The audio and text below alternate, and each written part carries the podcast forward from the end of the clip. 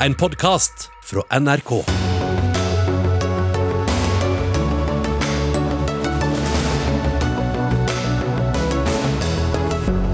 Opposisjonen jubler for nytt vedtak om Nord-Norgebanen.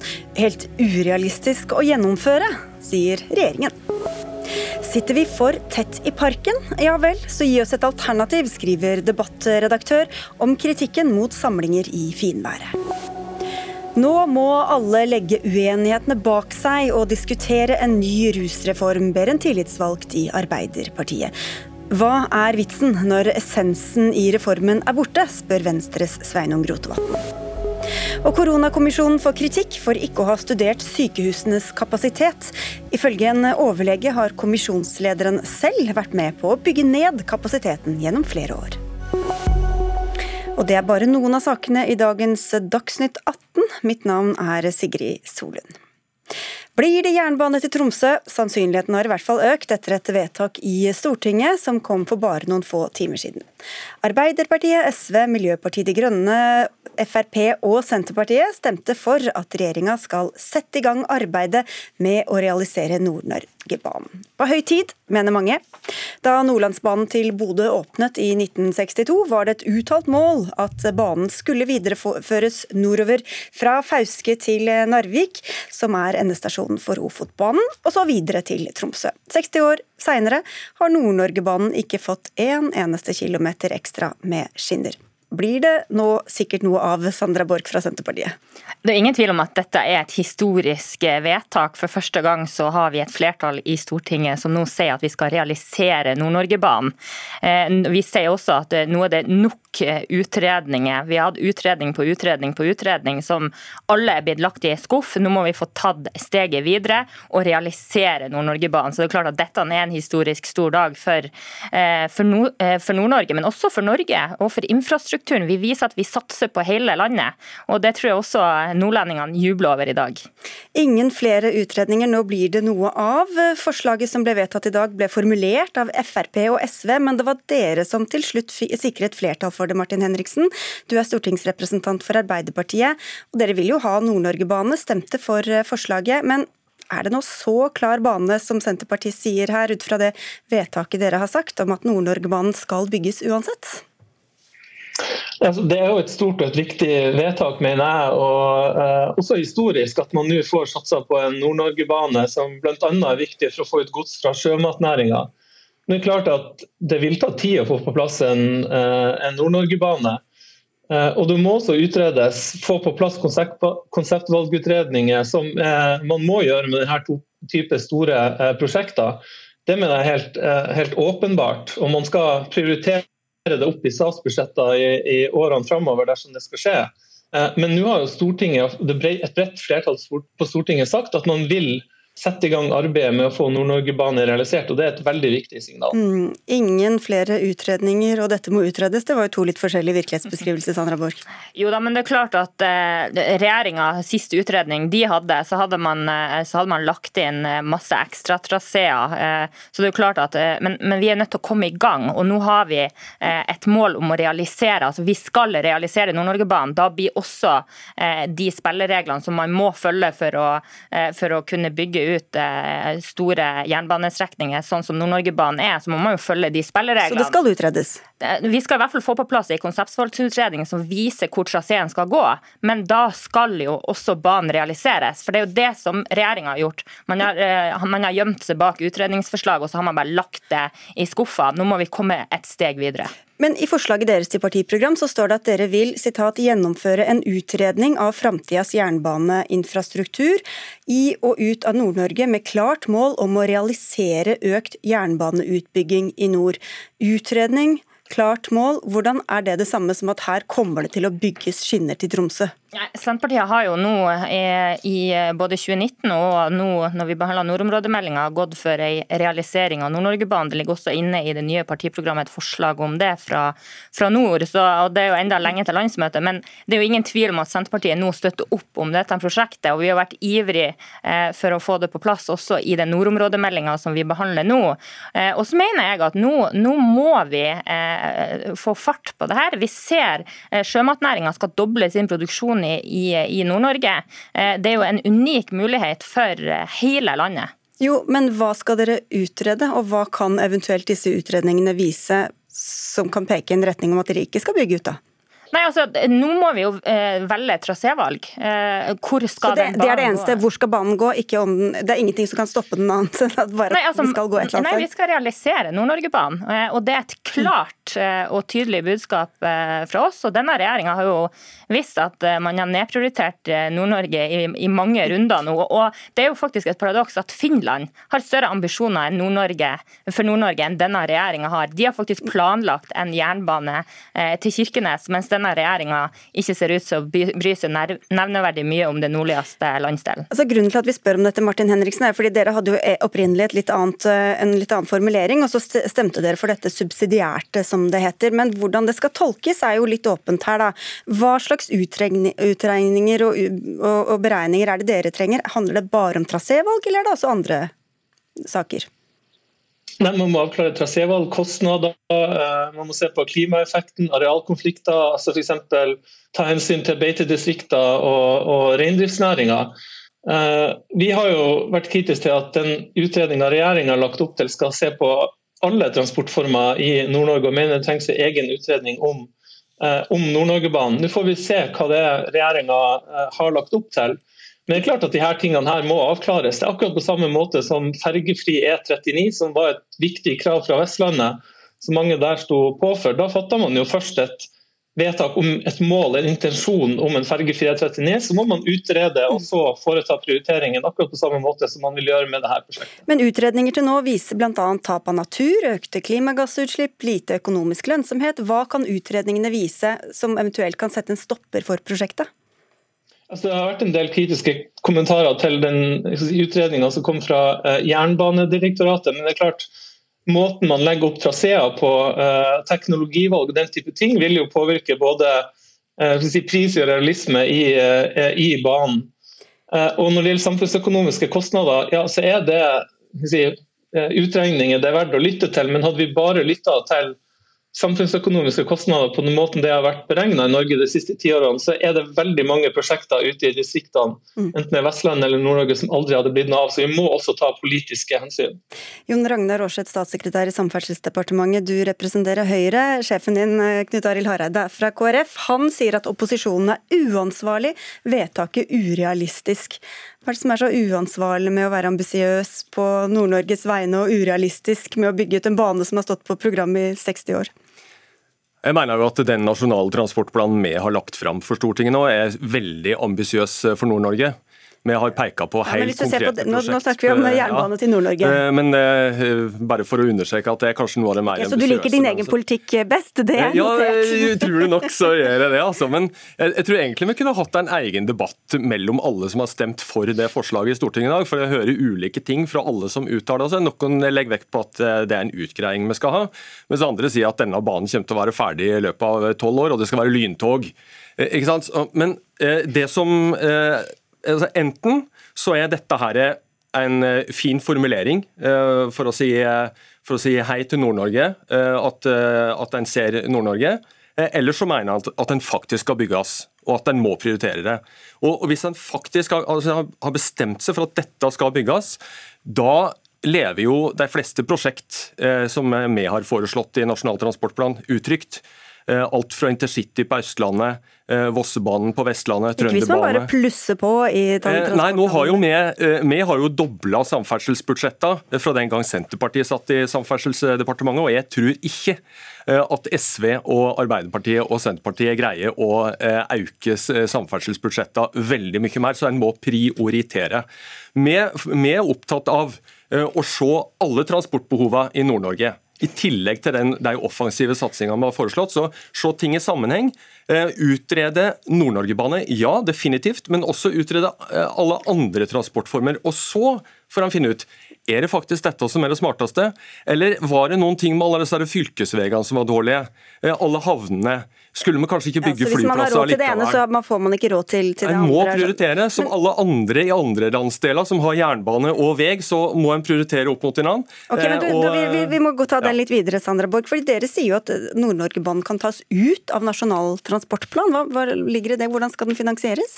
Nei, altså Det vi har tatt til orde for, er jo eh, å, å, løfte det ut som et eget nasjonalt prosjekt. Som det neste store nasjonale prosjektet som omhandler Nord-Norge. Eh, og vi har jo ikke hatt noe store samferdselsprosjekt på gang i Nord-Norge siden vi fikk kortbanenettet. Eh, sånn at eh, Vi har jo lufta den tanken, og så ser vi at det er kanskje litt uenigheter der. Men det viktigste er jo å, å prioritere penger til Nord-Norge-banen. og, og, nå har jo, altså for å En sammenligning, da, så har jo regjeringa nå vedtatt å bygge et regjeringskvartal til 40 milliarder kroner. og Det er jo en halv Nord-Norgebane. Ja, det, det, er et litt annet budsjett. Jo, men, det, men bare for å høre med Martin Henriksen også, ta det ut av Nasjonal transportplan, som, som legger alle rammer for alle store samferdselsprosjekter i, i mange år framover. Hva sier du til det?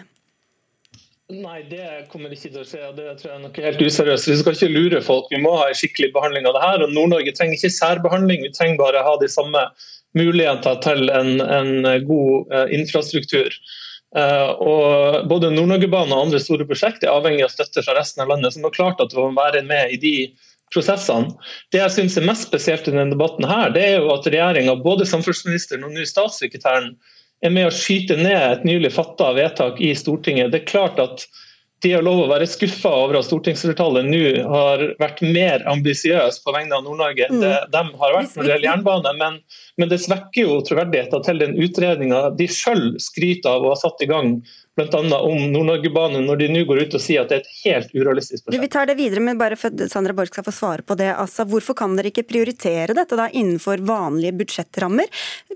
Om det så måtte gå på bekostning av noen andre prosjekter også i Nord-Norge?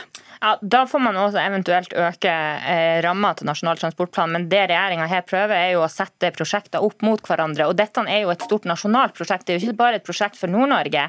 Eh, det er jo en viktig eh, infrastruktursatsing som også binder landet sammen. Dere vil, dere vil, ikke prioritere noe annet ned, selv om dette skal prioriteres opp? Eh, nei, men Det handler jo om, altså det er jo sånn som jeg sier, det er jo ganske mange ting man har brukt penger på i dette landet, som f.eks. et nytt regjeringskvartal til 40 jo, men... milliarder, så man heller kunne brukt de pengene på ja samferdsel og bygge samferdsel i hele landet. Ok, Til det som Martin Henriksen sier, Jon Ragnar Aarseth. Hva sier det om deres egne eh, politiske planer, hvis dere skal utrede noe dere egentlig allerede har satt foten ned for? Nei, Vi har eh, sagt at vi skal utgreie alle transportutfordringer i Nord-Norge. Eh, og finne svar på hvordan vi skal, hvor er smartest å bygge. Og så sier du men, allerede at men, dette er helt uansvarlig og, og Ja, Hvis han skal bestemme det allerede nå, før han har sjekka ut havner, flyplasser, veier, store og små, fylkesveier, lokale veier, riksveier, men, men noen har allerede bestemt seg for at det er dette en skal ha uten å tenke på helheten. og Det mener vi er uansvarlig så... og, og, urealistisk. og Hvis en virkelig skal gå i gang med dette nå, så må jo masse ut, selv om vi har dobla eh, samferdselsbudsjettene på i år med å sitte her, så må vi mm. fortsatt sitte og, og, og sette prosjektet opp mot hverandre. Det Men så er det nå en gang sånn eh, at dere er forpliktet til å følge opp eh, Stortingets vedtak. Ja. Hvordan skal dere gjøre men, det når dere allerede men jeg synes jo at De partiene som nå har peka på at dette går vi for, må da ta ansvaret for å peke på hvor skal bort. Og her er det mange spørsmål som ikke vi kan svare på i dag. Vi lover flere debatter um, i tida som kommer. Takk skal dere ha i denne første omgangen. Sandra Borch fra Senterpartiet, Jon Ragnar Aarseth fra Samferdselsdepartementet og Martin Henriksen fra Arbeiderpartiet.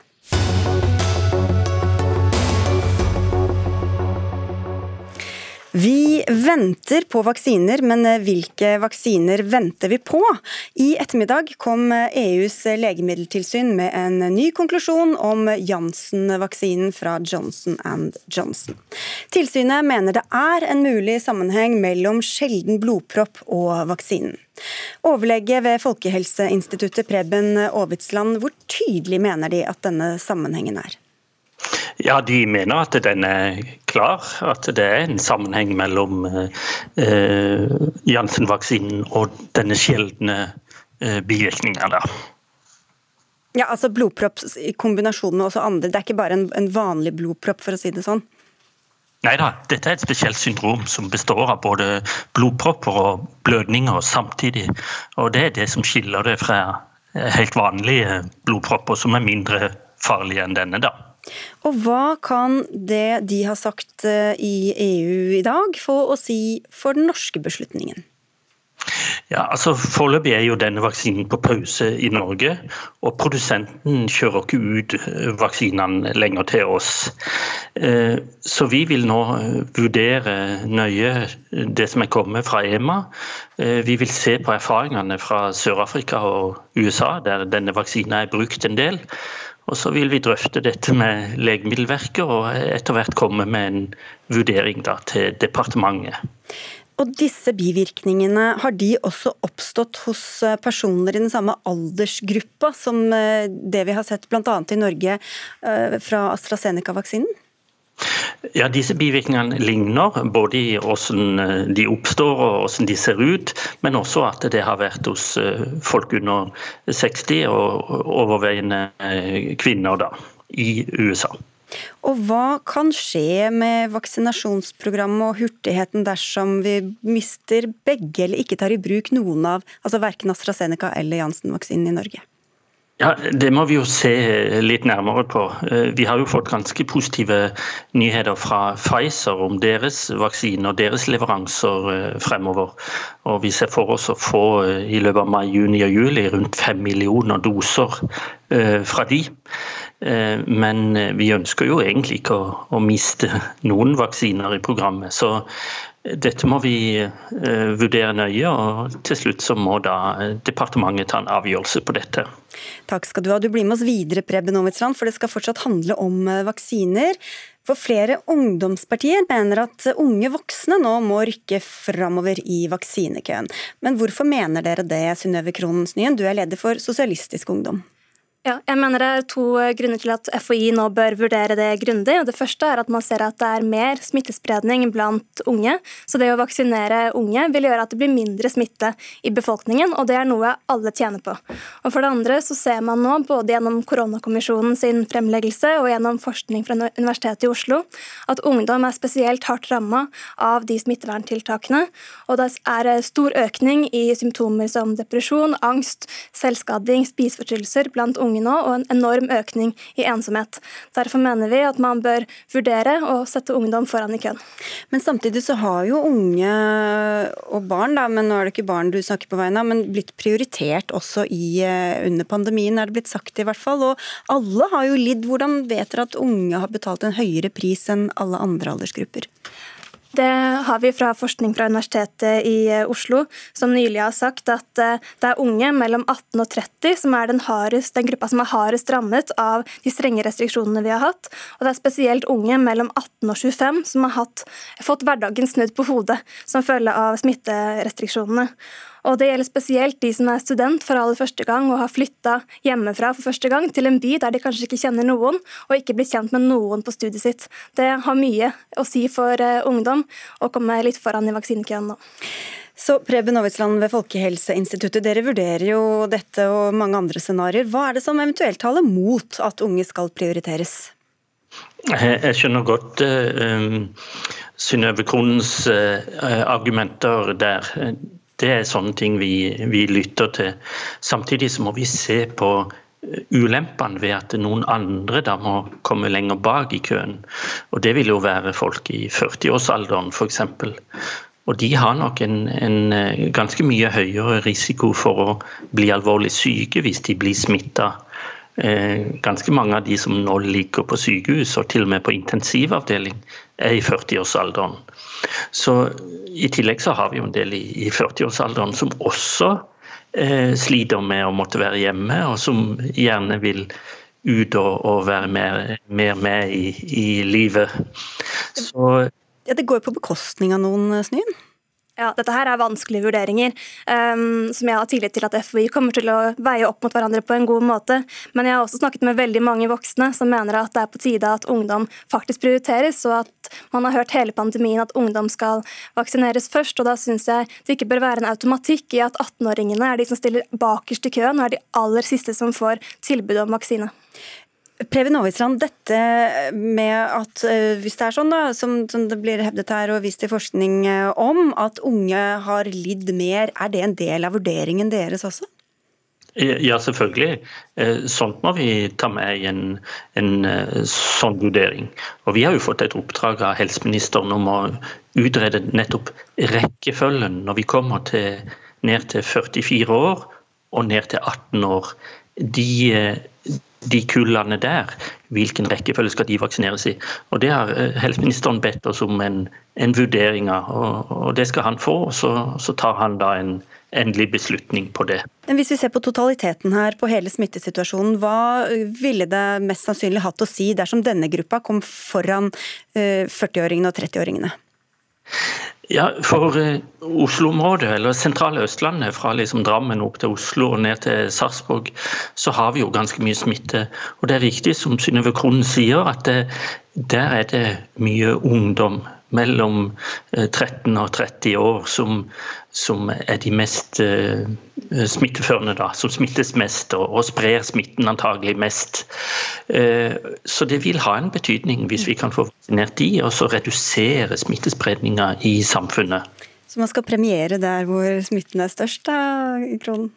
Det her handler jo ikke om premiering, men det handler om at ungdomstida er en tid du aldri får tilbake. Og For ett år siden så holdt Bent Høie en tale til russen der han sa at neste sommer finnes ikke når du er ung. Og det er jeg veldig enig i. Dette er en tid i livet du aldri får tilbake. Og jeg har hørt veldig mange voksne si at de er veldig glad for at de ikke er unge under pandemien. Og hele pandemien har vi hørt at ungdom skal prioriteres. Nå mener jeg også at man bør vurdere å sette unge foran fris andre friske voksne i vaksinekøen. Men om de blir vaksinert i eh, august eller september, hvorfor er det så viktig? Det har enormt mye å si om man får et skoleår som starter med strenge restriksjoner eller ikke. Nå trenger alle de førsteårsstudentene og alle ungdom å få et mer normalt liv tilbake og få hverdagen tilbake. Det å få et, en ny start hadde betydd enormt mye for veldig mange unge. Da får vi se hvor eh, dere lander i første rekke, Preben Novetsland. Takk skal du ha for at du var med fra Folkehelseinstituttet, og takk til deg, Synnøve Kronens Nyen, leder for Sosialistisk Ungdom.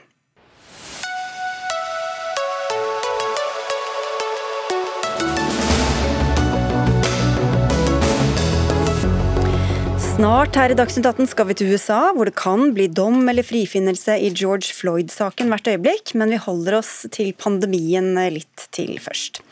Smitteverntiltak kommer og smitteverntiltak går, bortsett fra i noen deler av landet der de bare består og består. I Oslo og omegn kan mange knapt huske sist de var på kafé eller på besøk hos noen, og resultatet så vi i helga når sola kom fram. Da stimlet folk sammen i parker og på åpne plasser, til forargelse fra flere, men ikke alle.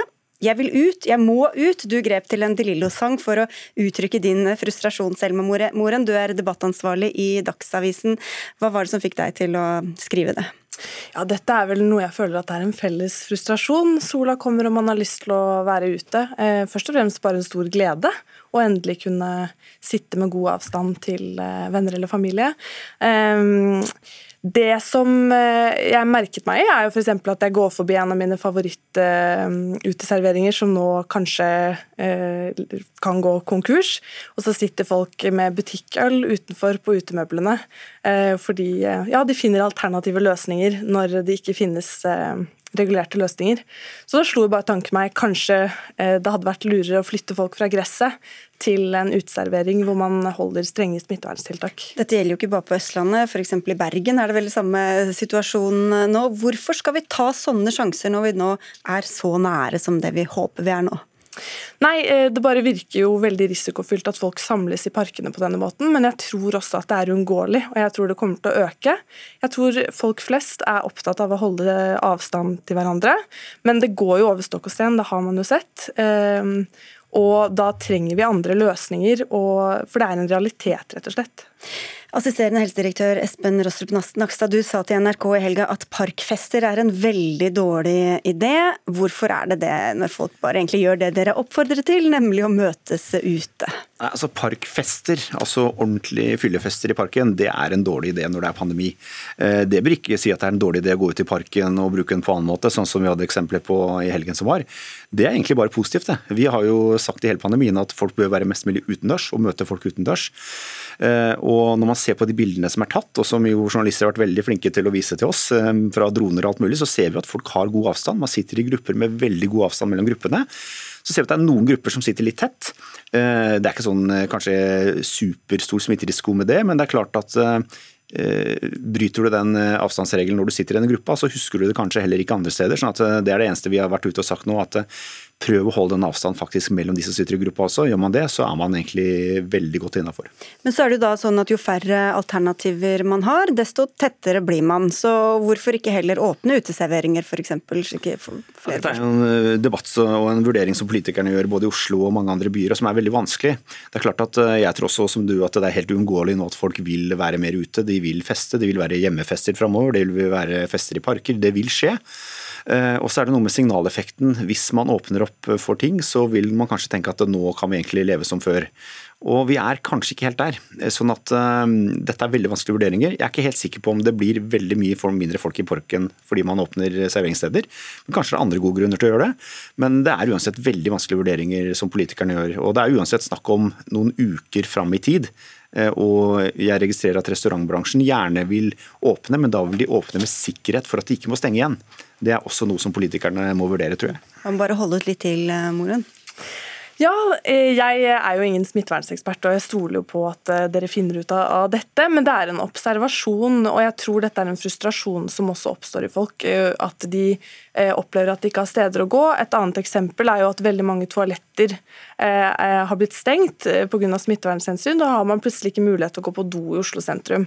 Og det er et annet eksempel på at vi trenger alternativer. Vi kan ikke bare fjerne muligheten til å gå på do, selv om det er mer smittevernvennlig å stenge toalettene. Ja, for det er noe med det pragmatiske her, da, Nakstad. Vi kan si at alle skal bare vente og holde seg Og alle har jo ikke hager eller balkonger eller sånt noe heller. Så når man ser på hva faktisk folk gjør, hvorfor ikke liksom legge litt mer til rette for at de skal kunne gjøre det på en trygg måte? Jo, jo da, men det, Man er inne på noe her, absolutt. Det var litt av det samme problemet i fjor. Jeg husker påsken i fjor. Ble jo, den ble jo avlyst, altså hytter, hytteforbud og disse tingene. Det gjorde at folk gikk jo veldig oppå hverandre faktisk i de store byene. Det var heller ikke bra.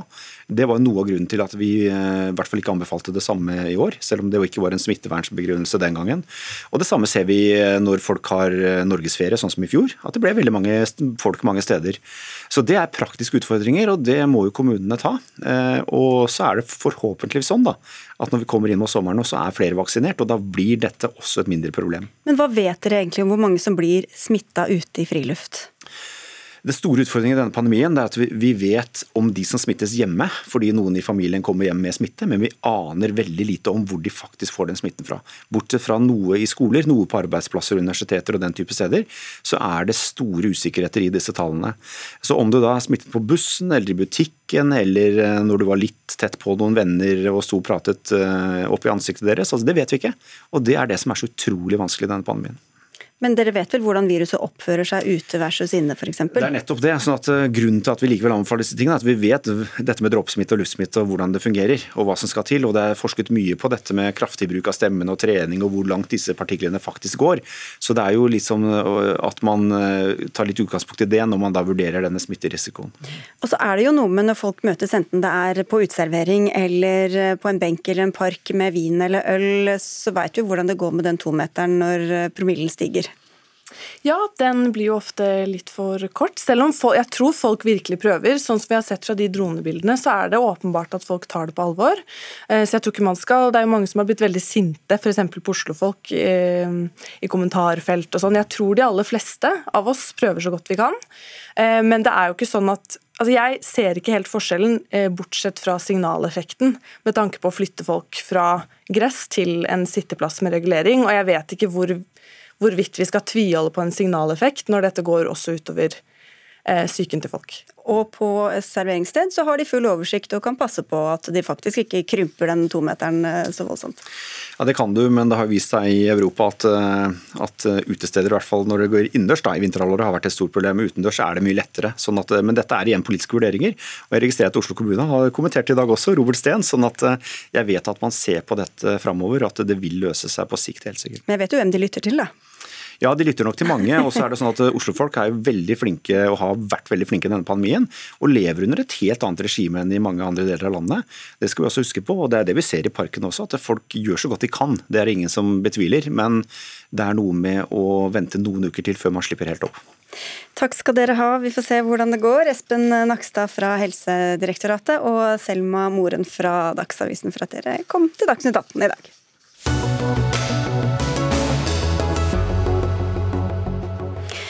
Guvernøren i den amerikanske byen Minneapolis har erklært unntakstilstand, og nasjonalgarden er kalt inn for å håndtere uroen. Det er nemlig veldig mange som er spente på hva juryen kommer fram til i rettssaken mot politimannen Derek Chauvin.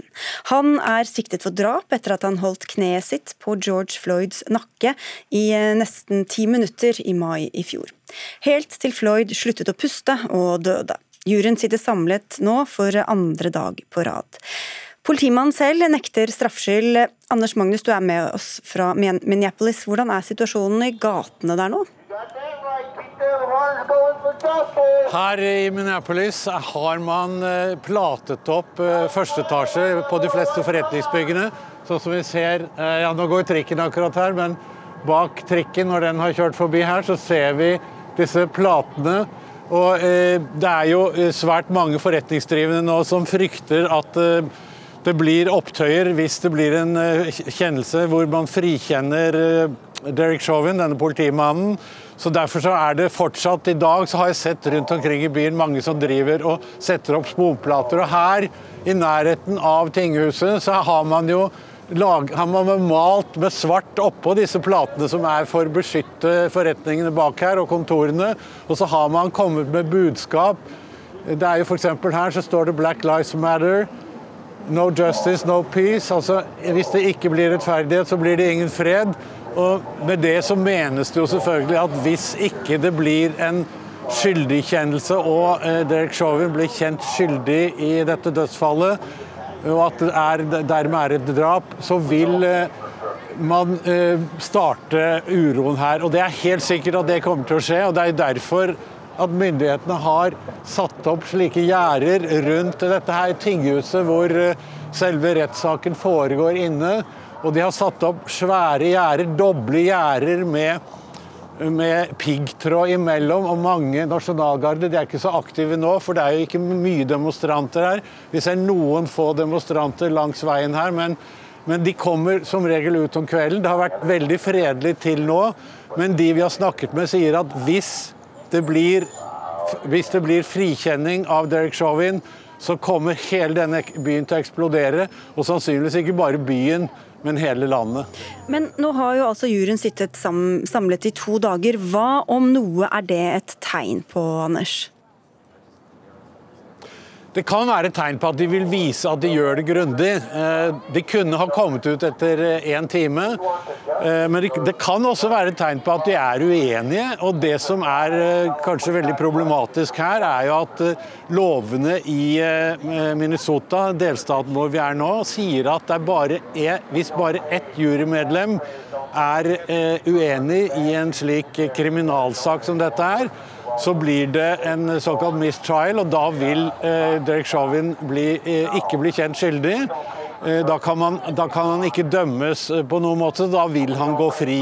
Da kan eh, aktoratet, altså påtalemakten, si at da vil vi ha en ny rettssak med en ny jury. Det kan de få. Men, eh, men, det kan også være at han kan gå fri. Og hvis det skjer, og uansett om aktoratet kommer til å, å anke dette eller ikke, hvis det skjer at et jurymedlem sier han er ikke skyldig, og vi får den såkalt mistrial ut av det, så kommer det til å bli opptøyer her. Det har alle for så vidt lovet, som vi har snakket med, at hvis, det, hvis han ikke blir funnet skyldig, så kommer det til å eksplodere. Så det er jo fryktelig mange som er nervøse her nå.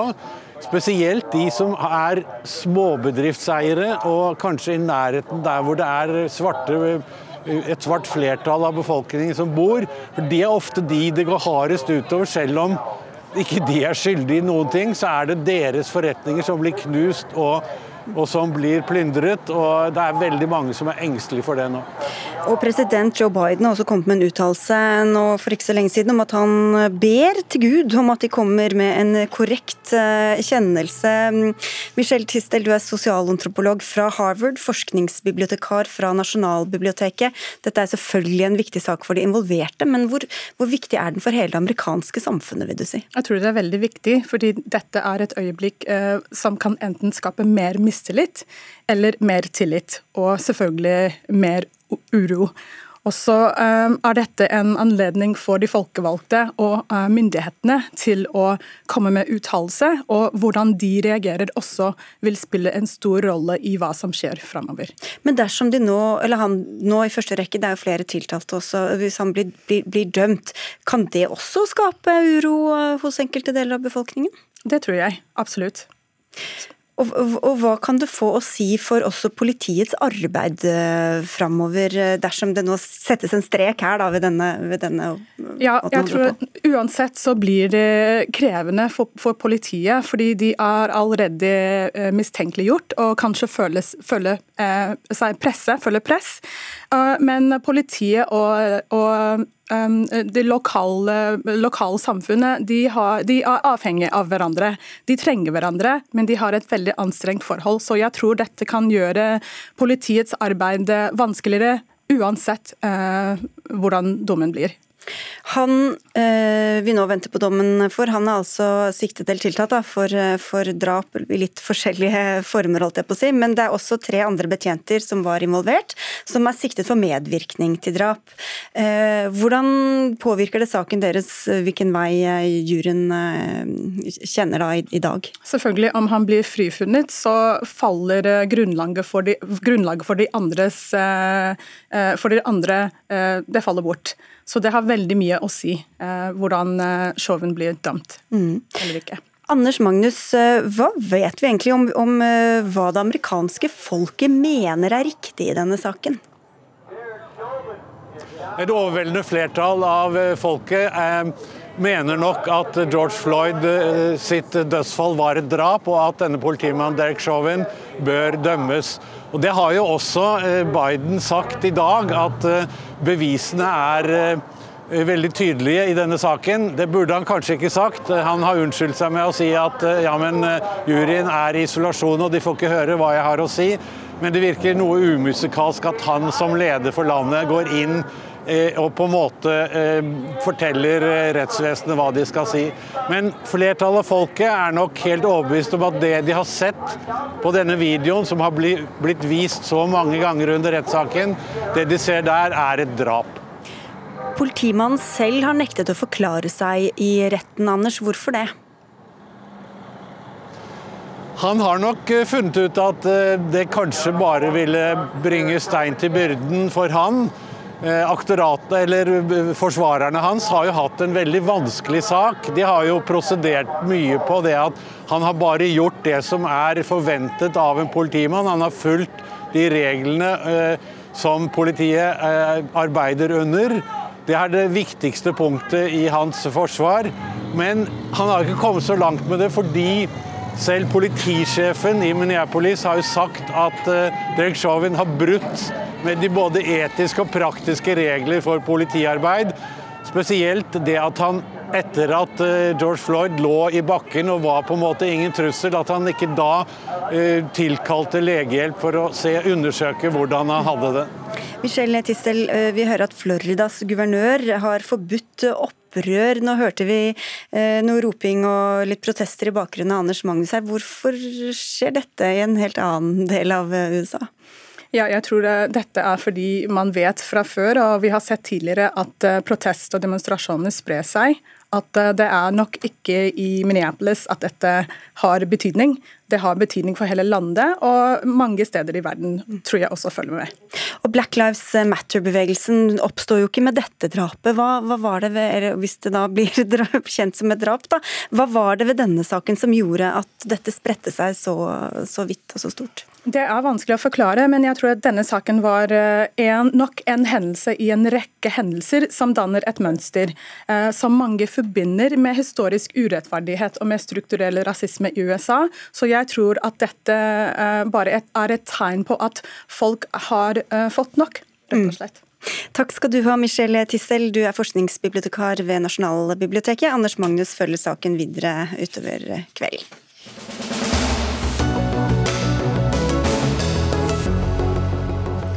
Regjeringas forslag til rusreform fikk et kraftig tilbakeslag i helga, da Arbeiderpartiets landsmøte vedtok å si nei til avkriminalisering av mindre mengder narkotika. Dette er nemlig et sentralt punkt i den foreslåtte rusreformen, og mange var skuffa over at Arbeiderpartiet landet som de gjorde. Men mange av de harde ordene som er blitt ytret om deres eh, vedtak, er det ikke grunnlag for, skriver du i Stavanger Aftenblad, Ine Haver. Du er kommunestyremedlem for Arbeiderpartiet i Stavanger og har jobbet med rusavhengige i mange år. Hva slags kommentarer eller beskyldninger var det som fyrte deg opp? Nei, eh, Den kommentaren som gjerne fyrte meg mest opp, det var den fra han eh, Sondre Hansmark. Der han Altså lederen i Unge Venstre? Lederen Unge Venstre, der han beskriver Arbeiderpartiet som hjerteløst og rått. Eh, I slutten av innlegget så skriver han at ja, når de som ligger i grav, så kan Arbeiderpartiet stå der. Og det, Da føler jeg, da er debatten ute på helt feil spor. Og denne, altså Rusreformen den er så viktig for så mange at den fortjener en saklig debatt. Eh, og han er utrolig kompleks. Det er utrolig mye vanskelig i debatten å ta stilling til. Så den fortjener at eh, ansvarlige politikere eh, som sitter i sentrale stillinger og har en sentral stemme, ytrer seg òg saklig. Vi skal se om vi kan finne noen fellespunkt her, men først til denne ordbruken, Sveinung Rotevatn. Du er nestleder i Venstre som har ivret for denne rusreformen som nå henger i en tynn tråd. Moralismens forsvarer var din partileder Guri Melbys dom over Jonas Gahr Støre etter vedtaket fra partiet han leder. Hvorfor fortjener Arbeiderpartiet sånne karakteristikker fordi de vil ha en annen rusreform enn den dere har gått for? Jeg tror nok jeg må lese det i lys av at veldig mange ble forferdelig skuffa eh, over at Arbeiderpartiet, som har sagt at de er for en rusreform, Ehm, valgte å la være å støtte det grunnleggende prinsippet i denne reforma, nemlig om avkriminalisering. Og Når de sitter på vippen i Stortinget, så er det de som kan bestemme det. Eh, og Da er det veldig mange over lang tid som har engasjert seg i det her og blitt veldig skuffa eh, over det vedtaket. Og Det tror jeg har med å gjøre at um, Regjeringa kommer og går, og bevilgninger de går opp og de går ned. De går stort sett opp i det landet her. Eh, men av og til så skal en gjøre noen litt større vedtak som er helt grunnleggende for hvordan vi behandler mennesker i det samfunnet. her. Ikke sant? Det er alltid fra da en gjennomførte de Castbergske barnelover og såkalt uekte barn ble anerkjent som andre barn. Det var da en avkriminaliserte homofili. Altså Disse tingene betyr mer. Og det var det mange nå ønsket å gjøre, nemlig å si at det å være rusavhengig er ikke straffbart, det er en sykdom. Det var det en skulle få til. Og Da er det sikkert mange som har brukt litt sterke ord når de blir skuffa over Arbeiderpartiet, eh, og jeg forstår at det kan være kjipt. Men eh, slik er det å ha makt. Eh, og Det er lenge siden Arbeiderpartiet har vært i regjering, men i denne saka her så har de makt. Og da er det mange som blir skuffa, og mange som blir sinte. Og da maner du til samarbeid, Haver. Hvordan skal det skje når partene da står såpass langt fra hverandre på et så sentralt punkt? Jeg, jeg, er jo spent på om eh, Venstre har lyst til å inngå et samarbeid, eller om det er sånn at eh, når Venstre ikke får gjennomslag for denne foreslåtte rusreformen, om de da ikke ønsker å prøve å samarbeide fram en forbedra reform. For det er jo ikke sånn at Arbeiderpartiet ikke har lyst på en ny og bedre rusreform. Det, det, er jo jeg veldig spent på. Og jeg tenker at det, disse menneskene de fortjener at eh, ansvarlige politikere står sammen. Og jeg skulle ønske at det kunne være et samla storting eh, som bare sa ja, og vedtok en lov som alle kunne levd med. Men, men, verden er jo ikke så enkel som det. Men hva, hva kunne vært elementer i den eh, loven, da, i den rusreformen du ser for deg? Nei, nå skal dere høre. Nei, altså Jeg sitter jo ikke med, med, fasitsvarene på alt. Eh, jeg tenker det at Arbeiderpartiet har foreslått at vi skal gå inn og hjelpe de eh, tyngste, det syns jeg er et veldig riktig tiltak. Med tanke på at eh, når vi ser på overdosestatistikken, eh, så er det tre av fire som tar overdose med sprøyte på opioider. Så det tenker jeg det er et veldig treffsikkert tiltak. Eh, når det kommer til de unge, så har jo òg Arbeiderpartiet sagt at eh, en skal fjerne ting fra rullebladet en skal ta og være mye mindre pågående enn det den har vært. Altså, det skal bli gjort justeringer, men en ønsker å ha muligheten til å bruke straffereaksjoner. Mm. Men realiteten i dag er jo at når en 15-åring eh, blir tatt med rus, eh, så får en ikke en bot med det første eller, eller prikker. Sveinung Rotevatn, ingen av dere vil straffe det, de såkalt tunge narkomanene. Ingen av dere ønsker at uh, ungdom skal kvie seg for å ringe politiet hvis man blir, havner i trøbbel selv om man har tatt uh, narkotika. Alle vil hjelpe for mer, folk mer bedre. Hvorfor ikke begynne der, da? Men det er nettopp det vi har gjort. Eh, vi har satt i gang et langsiktig arbeid her, jobba i mange år. Arbeiderpartiet til og med ment at det har gått for sakte. At det er et svært tungt faglig utvalg.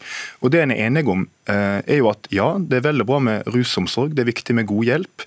Men at det er straffbart i seg sjøl, er et hinder for at folk oppsøker hjelp. Det bidrar til stigmatisering. Det gjør at folk er redde for å be om hjelp. Og da hjelper det på en måte ikke alle de gode tiltakene du setter inn, så lenge det står i veien for å virkelig lykkes. Ja. Eh, og Det er jo det Arbeiderpartiet da sier nei til. Og jeg hører at de sier eh, også nå i innlegget her at ja, vi vil hjelpe folk, men vi vil også straffe litt. Eh, og Når du gjør måte, straffa til et viktig virkemiddel, så hindrer det at folk oppsøker hjelp. Ikke sant? Det er det som er problemet her. Altså, det er fint at vi ikke skal bure inne tunge rusavhengige, jeg er helt enig i det. Men det hjelper jo ikke. Den jenta som kanskje har vært utsatt for voldtekt på et nachspiel, men som ikke tør ringe politiet fordi at hun har tatt MDMA på det nachspielet. Det er den typen stengsler vi må bryte ned, og da er avkriminalisering et viktig spørsmål. Ja, ja, men der har jo Arbeiderpartiet vært veldig tydelig på at det skal ikke være farlig å ta hjelp. Og når man skal ringe f.eks. 113, så skal det, ikke, altså skal det ikke være en konsekvens om at nå blir du eh, altså En skal jo på en måte kunne vurdere de tilfellene litt individuelt. Og jeg lurer på det, Sveinung. Eh, hva erfaring har du med disse unge som vi snakker om? ikke sant? Vet du, Kjenner du godt til ungdomsstraff og ungdomsoppfølging? Eh, vet du hva tiltak som er der ute for deg? For det er veldig mange gode tiltak som i dag virker. Eh, og det er jo istedenfor Det er påtaleunnlatelse. Det er istedenfor bøter. Det er istedenfor prikker på rulleblad. Eh, da en, I en ungdomsoppfølging så setter en sammen et tverrfaglig team med de ungdommene som er bra, som vi tenker er relevante for ungdommen. Og så må de gå alt etter hvor, hvor, lenge de har behov for å være der, så går de.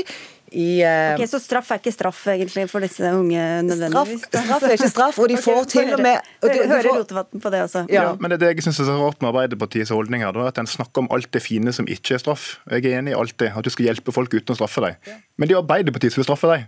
Regjeringa har foreslått at du skal yte god hjelp til alle unge, eldre, folk som nettopp har begynt med rus, folk som sliter tungt med rus. Men det er jo Arbeiderpartiet som sier at og i tillegg til det så skal vi straffe. Og Det er det som er problemet, og det er derfor folk blir såpass opprørt. og Jeg skjønner at det å stå i den stormen kan være krevende for Arbeiderpartiet, men her er det Arbeiderpartiet som er i ferd med å grunnstøte en sosialt historisk viktig reform, men, og det må en faktisk ta ansvar for. Det er ikke bare Arbeiderpartiet som er bekymra for at terskelen kan bli lavere for at ungdom skal prøve narkotika, når de vet at det ikke er straffbart. Ja, det er mange som er bekymra for det. Ehm, men vi vet jo ganske mye om det her. da. Eh, og nå har vi hatt et svært offentlig utvalg med medlemmer fra påtalemyndigheten, fra eh, helse, fra politiet.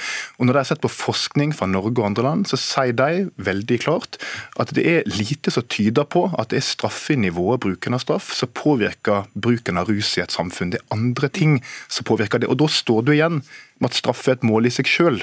Og det kan det aldri være. Ja, for Spørsmålet er jo hva som det går an å finne fram til når et så sentralt punkt er, hvor det er så stor uenighet innehaver. Hvis et annet parti hadde sagt til dere at de gjerne ville fri til Arbeiderpartiet om ny likestillingspolitikk som kutta fedrekvota, eller en skattereform som gjorde at de rikeste skulle betale mindre skatt, hvor ivrig hadde dere vært eh, til å sette dere ned og forhandle da?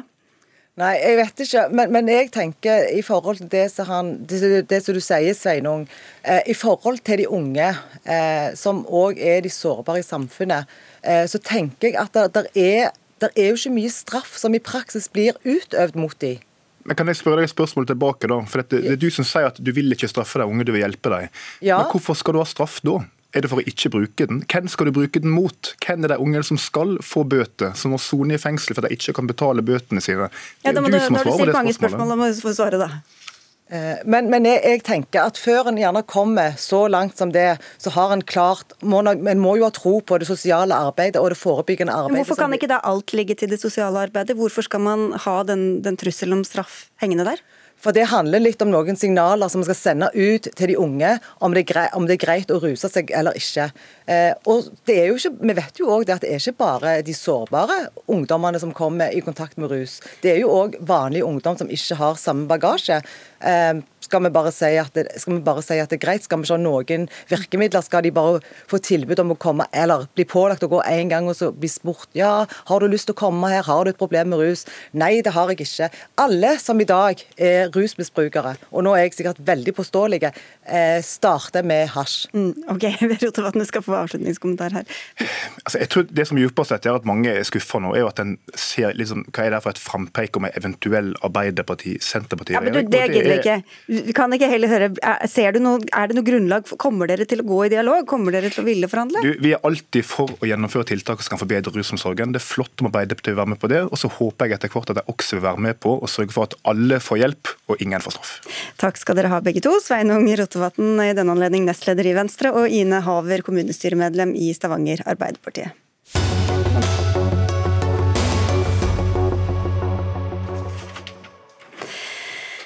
Regjeringa og andre myndigheter fikk både kritikk og ros da koronakommisjonen kom med sin rapport for en uke siden om eh, håndtering og beredskap i forbindelse med koronapandemien. Men én sak er hva kommisjonen fant av klanderverdige forhold. Nå skal det handle om hva den ikke fant, og kanskje ikke engang så etter. For i et debattinnlegg i Aftenposten skriver bl.a. du Christian Grimsgaard, styremedlem i Norsk overlegeforening, om hva koronakommisjonen ikke nevner, og hva er det? Ja, Vi eh, som skriver dette innlegget, Jon Låke og jeg, vi mener jo at det er en del som er utelatt i, i, denne rapporten. og Bl.a. Eh, dette grunnleggende spørsmålet om hvor godt sykehusene var forberedt på en sånn situasjon. Eh, I hovedkonklusjonene til kommisjonen så skriver de i punkt to at eh, myndighetene var dårlig forberedt. Og Da blir spørsmålet hvor, hvor forberedt var sykehusene. Og det, det, oppfatter jeg at det er det ikke mulig å lese ut av denne rapporten, for det har man rett og slett ikke gjort noen eh, vurdering av. Og Hvorfor har de ikke det, tror dere? Um, det kan jo være flere grunner til det, men et problem her er jo at kommisjonens leder har hatt ansvaret for beredskapen i sykehuset i en årrekke. Og han blir, da, han blir da stilt et spørsmål i Morgenbladet om, eh, om, hvorfor man ikke har sett på dette med intensivkapasiteten, som er lav i Norge. og Så sier han at det vet han ikke om den er. Han har vært sykehusdirektør i veldig mange år, og vet ikke da om det er riktig at den er lav. Og Han eh, er usikker på om det er relevant å se på den problemstillingen. og Da stiller vi det spørsmålet eh, hvem er det som uttaler seg her? Er det sykehusdirektørene eller er det kommisjonens leder? Og det er deg, Stene Kvinsland. Du har årevis bak deg med topplederstillinger i norsk sykehusvesen. Jeg kunne spurt deg hvor mange ganger du har møtt deg selv i døra som leder av koronakommisjonen, men det er kanskje mer fristende å spørre hvor, hva du har gjort for å unngå å møte deg selv i døra etter dette her? Ja, jeg tror ikke jeg eh, har eh, gjort noe som helst for å unngå å møte meg sjøl. Vi har vært veldig obs på dette med muligheten for det, gitt eh, mine tidligere arbeid, altså arbeidssituasjoner i helsetjenesten. Men det som er problemet med problemstillingen til Kristian Grimsgaard, er at han, han for oss med. Altså Det som er koronakommisjonens oppdrag, det var å vurdere myndighetenes agering under pandemien. Ikke eh, om eh, hvordan det i, i, i, for seg gikk i sykehusene som sådan. Det vi skriver om derimot, Kristian, det er jo at eh, det var manglende planverk.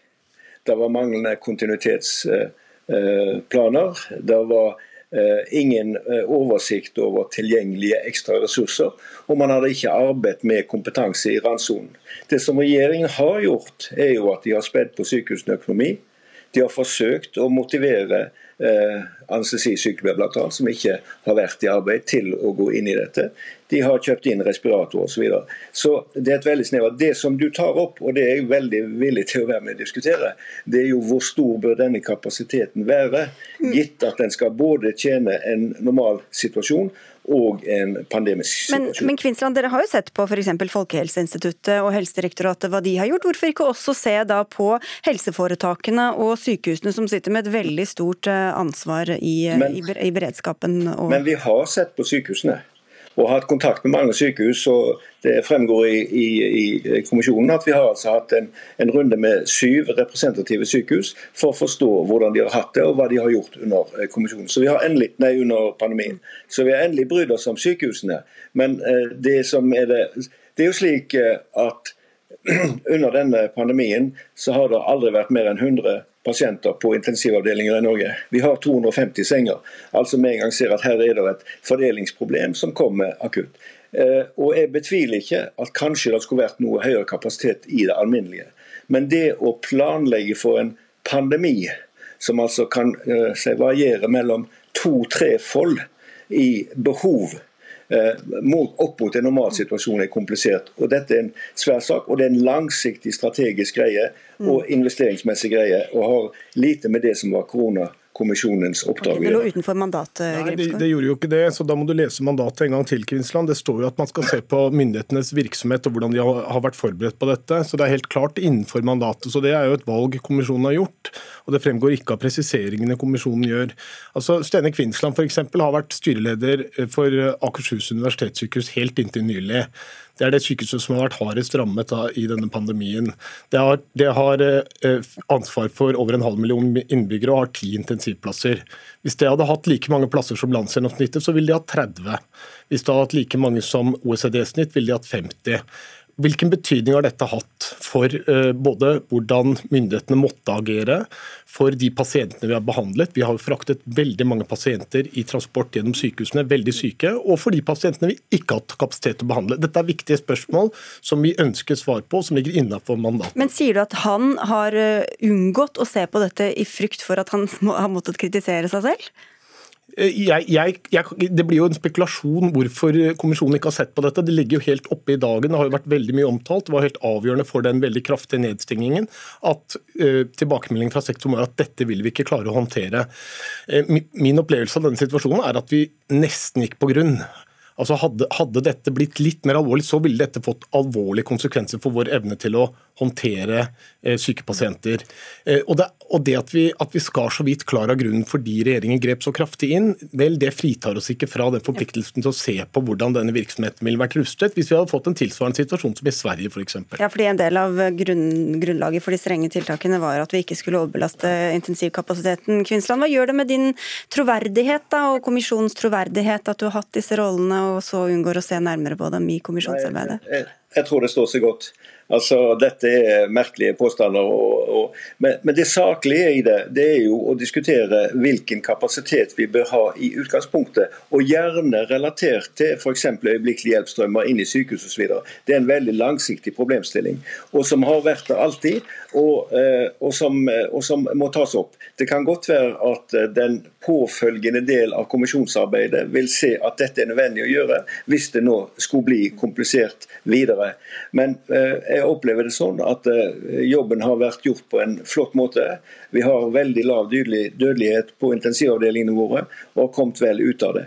Og så er jeg ikke fremmed for at man må se på den, den, den normale totale kapasiteten, men det aller viktigste det er jo å ha en plan for oppskalering eh, når det måtte komme tilsvarende situasjoner. og Det okay. omtales i i, i, i rapporten. Og Kristian Grimsgaard, jeg har lest mandatet flere ganger enn du har gjort.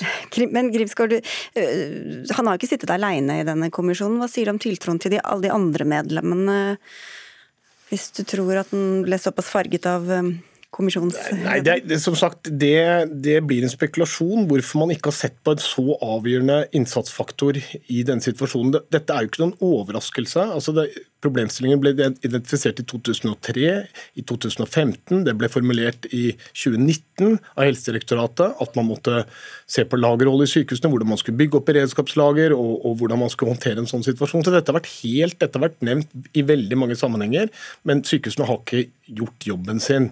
Og, og at da kommisjonen ikke ser på det, eh, vel, da, da, mister vi mye viktig kunnskap. Jeg vet ikke hva utfallet av en sånn vurdering nødvendigvis ville være. Det kan godt hende at det er som Kvinsland sier, at at, eh, at, man, at, det har vært helt passe.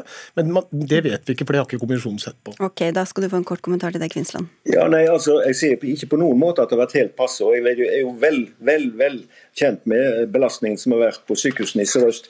Eh, nettopp Ahus, Rikshospitalet, eh, Nye Kalnes osv. Og det, det er ikke det som er problemstillingen. Kristian. Det er spørsmålet om hvor stor skal denne kapasiteten være normalt. Og så er det høyst urimelig å komme altså dette med, med smittevernutstyr osv. Det er vel ingenting som har fått så stor oppmerksomhet, inklusive sykehusenes håndtering av dette. Og Vi har påpekt ganske kraftig at det her har det vært veldig mm. mangelfullt planverk i sykehusene opp mot en pandemi, til tross for erfaringene fra 2009. og ebola. Avslutte, dessverre. Jeg ser du har mer på hjertet, det har dere sikkert begge. Takk skal dere ha, i hvert fall begge to. Kristian Grimsgaard eh, fra Norsk overlegeforening og kommisjonsleder Stener Kvinsland. Dagsnytt 18 er ved veis ende. Dag Dørum, Marianne Myrhol og jeg, Sigrid Solund, takker for følget og ønsker en god kveld.